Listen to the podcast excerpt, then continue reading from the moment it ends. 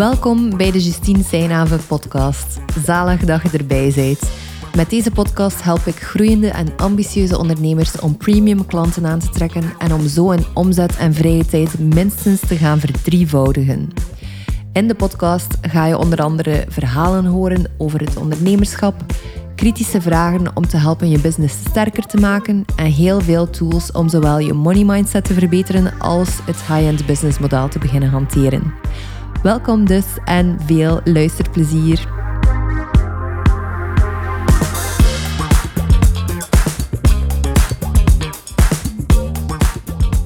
Tijd is ons allerschaarste hulpbron. En tegelijk geloof ik dat tijd niet echt bestaat. Ehm, dat is een onderwerp voor een andere aflevering natuurlijk. Maar in deze podcast wil ik het graag met jou hebben over wat er eigenlijk gebeurt als je zeeën van tijd plots hebt in je bedrijf. Hoe ga je ermee om? Misschien klinkt het voor jou als een speciale vraag, omdat je misschien een drukker bedrijf momenteel nog hebt. Als dat zo is, plan dan gerust je call in via de link in de show notes, want ik kan je helpen om daar verandering in te brengen als je het graag rustiger wilt. Maar ik vind het wel een belangrijk onderwerp, omdat het iets is waar we zo weinig bij stilstaan. Veel ondernemers zitten in een soort van druk, druk, druk modus of een soort van altijd bezig met de onderneming, ook al zijn ze er misschien niet concreet mee bezig, maar zijn we er wel over aan het piekeren. Maar vandaag in deze aflevering wil ik u vertellen hoe ik zelf uiteindelijk een soort van zee van tijd eigenlijk voor mezelf gecreëerd heb. Waarom ik dat gedaan heb en hoe ik er nu mee omga. In 2020 heb ik eigenlijk de beslissing gemaakt om te groeien, maar op mijn gemak en met focus. Mijn vriend en ik zijn heel geïnvesteerd in ons eigen spirituele pad en in de manier waarop dat we in het leven staan. En we hebben samen drie jaar geleden eigenlijk al gekozen om eigenlijk uit de rat race te stappen. Mijn vriend is op dat moment gestopt met zijn laatste 9-to-5-job. Hij was ingenieur. Hij is nog steeds ingenieur. En heeft eigenlijk een heel mooie job opgezegd om totale vrijheid te kunnen creëren. En totale vrijheid betekende dus een zee van tijd. Hij heeft echt ook een jaar of was zelfs geen volledig jaar, maar een hele periode, ik denk negen maanden, um, effectief ook geen job gehad. Uiteindelijk is hij beginnen uh, lopers coachen, maar in het begin was dat nog allemaal heel onduidelijk waar hij eigenlijk naartoe ging. Dus hij had een zee van tijd. En ik ben iemand die heel snel zaken overneemt. Ik was al zelfstandig op dat moment, maar ik was ook wel een beetje jaloers op zijn zee van tijd en ik wilde die ook. Uh, ik was op dat moment nog freelance copywriter en ik wilde niet, niet meer het gevoel hebben van deadlines. Want ook al was ik zelfstandig, had ik niet het gevoel dat ik echt de vrijheid had die ik wilde.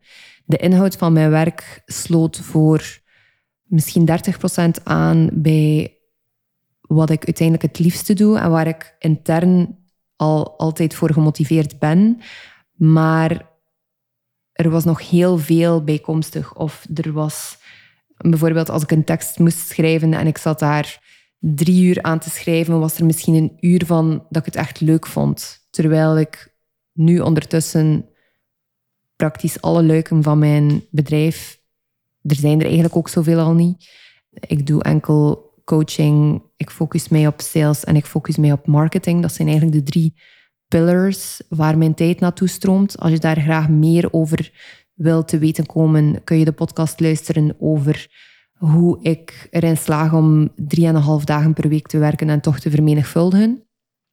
Maar ik voelde toen ik freelance copywriter was dat er gewoon meer mogelijk was. En dat het makkelijker kon. En dat ik meer kon genieten ook van mijn bedrijf ik ben dan ook gebotst op een onderneemster die een dergelijk werkschema had. En ik dacht, oh my god, dat ziet er zalig uit. Dat wil ik ook. Um, ik ben iemand die eerder introvert ook is en die tijd en ruimte nodig heeft om creatief te kunnen zijn, om vooruit te kunnen blijven gaan, om effectief te kunnen voelen ook wat er ligt, om mij zo levendig mogelijk te voelen, om een goede vriendin en een, een leuk lief te kunnen zijn en een toffe dochter. En dat klinkt heel erg vanuit de plek waarbij dat vrouwen zich moeten in bochten wringen om er altijd te zijn voor andere mensen. Dat is eigenlijk de laatste jaren verminderd bij mij. Ik doe enkel, of ik oefen daar heel sterk mee om vooral te doen waar dat ik mijzelf goed bij voel. Als ik alleen op reis wil, dan gaat mijn lief niet mee. Als ik geen zin heb om naar eender welk familiefeest te gaan, dan ga ik niet mee. Maar ik heb er dus voor gekozen om ja, gewoon die, die tijd te creëren voor mezelf. En om op die manier eigenlijk een leuker mens te kunnen zijn. Daar komt het op neer. Een leukere en succesvolle ondernemer en ook gewoon een toffer mens. En ik heb nu al een stukje verteld eigenlijk van hoe dat het zo gegroeid is. Dus ik was die onderneemster tegengekomen die drie dagen per week werkte. Ik dacht, zalig, dat wil ik ook. En dan ben ik gewoon concrete stappen beginnen zetten daar naartoe. En grappig genoeg, zo simpel is het ook vaak. Puur de beslissing maken dat je wilt maken. Dus je ziet iets van iemand anders dat je zelf wilt kunnen implementeren in je bedrijf. Je beslist voor jezelf, oké, dat wil ik voor mezelf. En dan, along the way, ga je gaan kijken van, oké, wat zijn de belemmerende overtuigingen die daarbij nog naar boven komen? Uh, en hoe ga ik ermee om? Je moet natuurlijk niet alles anticiperen, maar het is wel een interessante vraag om jezelf al een keer te stellen.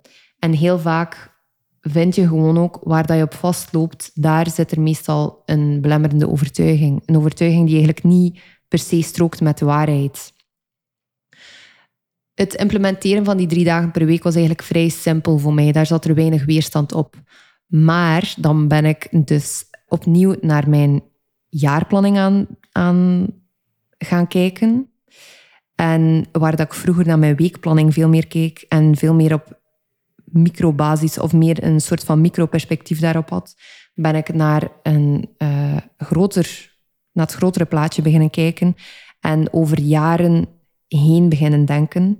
En dan besefte ik van, vrij tof dat ik nu een dag en een half per week weekend extra heb. Superleuk. Superleuk ook dat het bedrijf zo draait op die manier. Maar ik wil er ook in slagen om eigenlijk langere periodes te kunnen echt volledig afsluiten en mij van mijn bedrijf even te distancieren.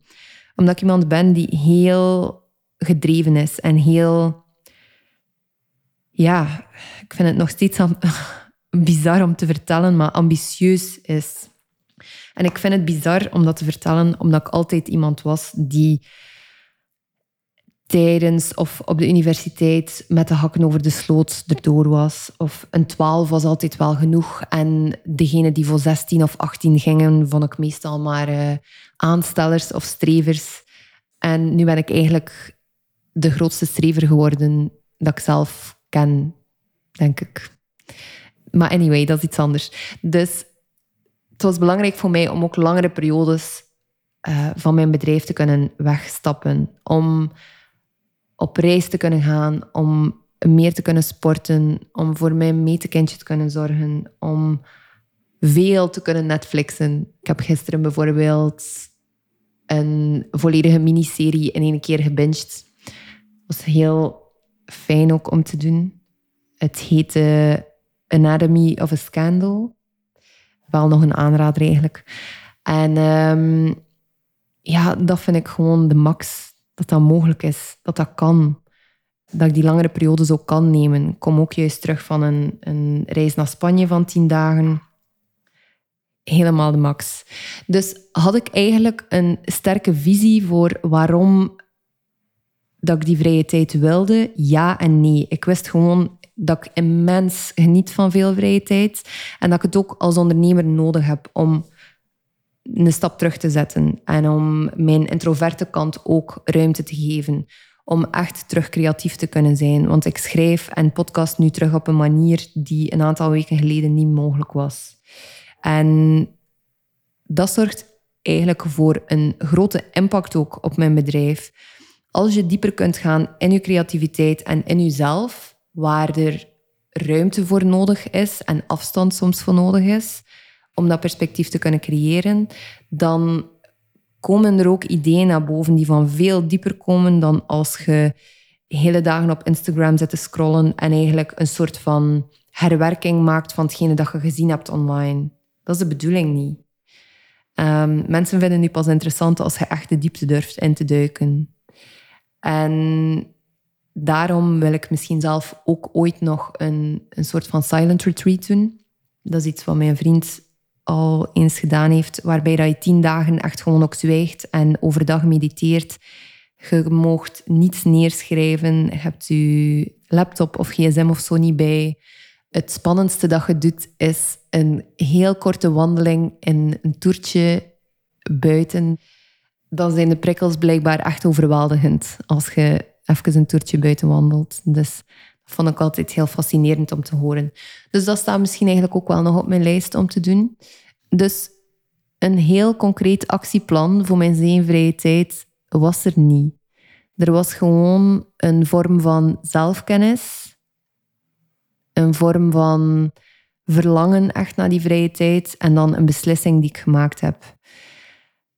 Komt dat met zijn eigen uitdagingen, omdat ik een jaartraject verkoop? Ja. Uh, ik heb onlangs een Instagram live gedaan over de onzekerheden dat ik daarover heb. Over dat ik het spannend vind om de verwachtingen bij mijn klanten te creëren van kijk, er is deze maand of er zijn deze maand eigenlijk geen coaching calls.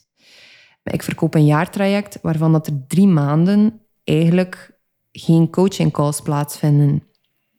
En er is wel Voxer support, dus ik coach hen daarin. Maar ik voel, als ik heel eerlijk ben met mezelf, een vorm van schaamte nog daar rond. Een vorm van schaamte dat ik mijn klanten in de steek zou laten. En dat is dan misschien toch wel weer een soort van good girl syndroom dat daaronder zit. Uh, of misschien nog een soort van moneyblock. Maar dat zit er wel nog. En dat is iets dat ik nog door aan het werken ben en dat ik niet evident vind ook om te navigeren. Ook al weet ik diep van binnen dat mijn klanten dit enkel en alleen appreciëren en zelfs inspirerend vinden. En als ze het er moeilijk mee hebben, dan zet ik de deur ook altijd open en dan kunnen we daar ook over praten. Want is dat dan weer een opportuniteit om hen te gaan spiegelen? Ik heb eigenlijk in deze podcast nu in plaats van een antwoord gegeven op de vraag wat doe je dan met die zevenvrije tijd, uitgelegd hoe dat ik tot hier geraakt ben, hoe dat ik die vrije tijd ben beginnen implementeren. Misschien iets heel praktisch is dus dat ik het echt gewoon in mijn jaartraject geïntegreerd heb. Dus mijn klanten weten vanaf dat ze instappen in de mastermind dat het traject er zo uitziet. Dat is ook een belangrijke. En daarnaast ook vertaald wat ik graag doe met die tijd, waarom dat die tijd voor mij belangrijk is. Maar ik ben ook gewoon super benieuwd wat dat jij zou doen met zoveel tijd. Stel dat je ook zegt van, oh, dat klinkt heerlijk, drie maanden per jaar er gewoon een keer volledig uit uh, kunnen, behalve misschien Voxer support, wat dat heel licht is om te dragen. Dat is ook allemaal persoonlijk natuurlijk. Je kunt ook helemaal afsluiten als je dat graag wilt.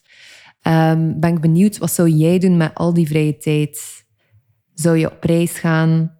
Zou je misschien een andere cursus volgen nog? Iets dat misschien niet met ondernemen te maken heeft? Zou je ehm, aan een datingprogramma meedoen?